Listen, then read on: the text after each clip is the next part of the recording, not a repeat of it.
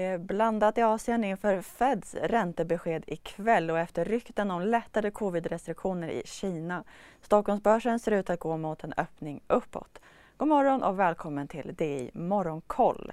Tokyobörsen handlas runt nollan och i botten av indexet finns kemiföretag och elproducerande företag. Teknikföretag som Panasonic och Sony går mot strömmen och stiger kraftigt. Hongkongbörsen fortsätter att stiga över 2% efter gårdagens rally. Även Fastlandskina är upp omkring 1,5% Elbilsbolaget Xpeng backar en halv procent efter beskedet att bolaget levererade cirka 5 100 bilar i oktober, vilket var hälften av vad konkurrenterna Nio och Li Auto levererade. Li Auto lyfter över 10 en nordkoreansk ballistisk robot landade mindre än 60 kilometer utanför Sydkoreas kust i morse. Det var första gången ett test landade nära Sydkoreas territorialvatten och landet svarade med att avfyra egna robotar i havet. Enligt sydkoreansk militär avfyrades totalt uppåt tio robotar från Nordkorea. De amerikanska börserna avslutade tisdagshandeln på rött för samtliga tre huvudindex där tekniksektorn tillsammans med bolag inom sällanköpsvaror var de som främst tyngde. S&P 500 avslutade dagen med en nedgång om 0,4 procent. Medan tech backade på Wall Street igår gick sociala mediebolagen Meta och Snap mot strömmen. Enligt CNBC kom uppgången efter att myndigheten FCC uppmanat Vita huset att förbjuda den kinesiska konkurrenten TikTok. Och bland rapporterande bolag redovisade den amerikanska halvledartillverkaren AMD en något lägre vinst än väntat. Aktien stiger 4% i efterhanden. Spelutvecklingsbolaget Electronic Arts slog analytikernas förväntningar och aktien handlas runt nollan i efterhanden. Men dagens höjdpunkt kommer ju ikväll klockan Expressen gör varje vecka podden Politikrummet där vi djupdyker i det senaste och viktigaste inom svensk politik. Med mig, Filippa Rogvall, som programledare tillsammans med mina vassa kollegor. Och det är ju ni som heter Thomas Nordenskjöld, Anette Holmqvist och Viktor Bartkron. Politikrummet kommer med ett nytt avsnitt varje tisdag. Vi hörs.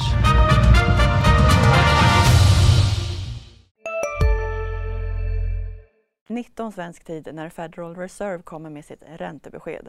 Centralbanken väntas höja med 75 punkter till intervallet 3,75 till 4 procent. Den amerikanska tioåringen står nu strax över 4% strecket.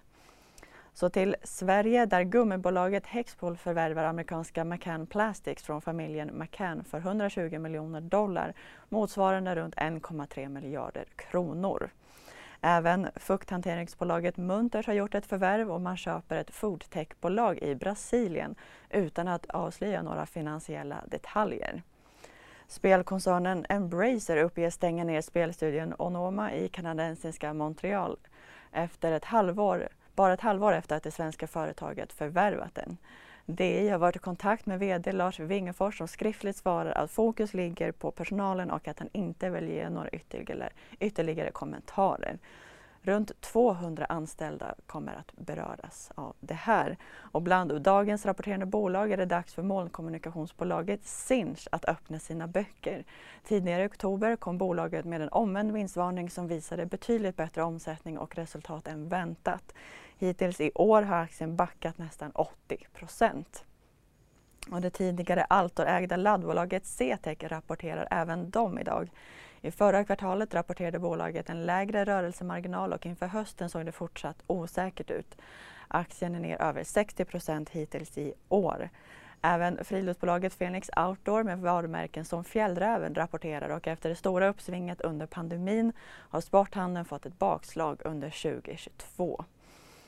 Och igår var det val i Danmark och med nästan alla röster räknade ser det ut att det röda blocket ut att få en egen majoritet i parlamentet. Därmed blir det upp till nuvarande statsminister Mette Frederiksen att bilda regering. Det var allt för nu. Missa inte Börsmorgon kvart i nio. Ha en fin dag.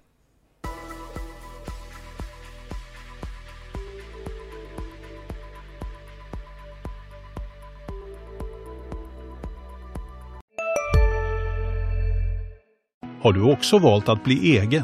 Då är det viktigt att skaffa en bra företagsförsäkring. Hos oss är alla småföretag stora och inga frågor för små. Swedeas företagsförsäkring är anpassad för mindre företag och täcker även sånt som din hemförsäkring inte täcker. Gå in på swedea.se företag och jämför själv. Hej, Synoptik här. Hos oss får du hjälp med att ta hand om din ögonhälsa. Med vår synundersökning kan vi upptäcka både synförändringar och tecken på vanliga ögonsjukdomar. Boka tid på synoptik.se.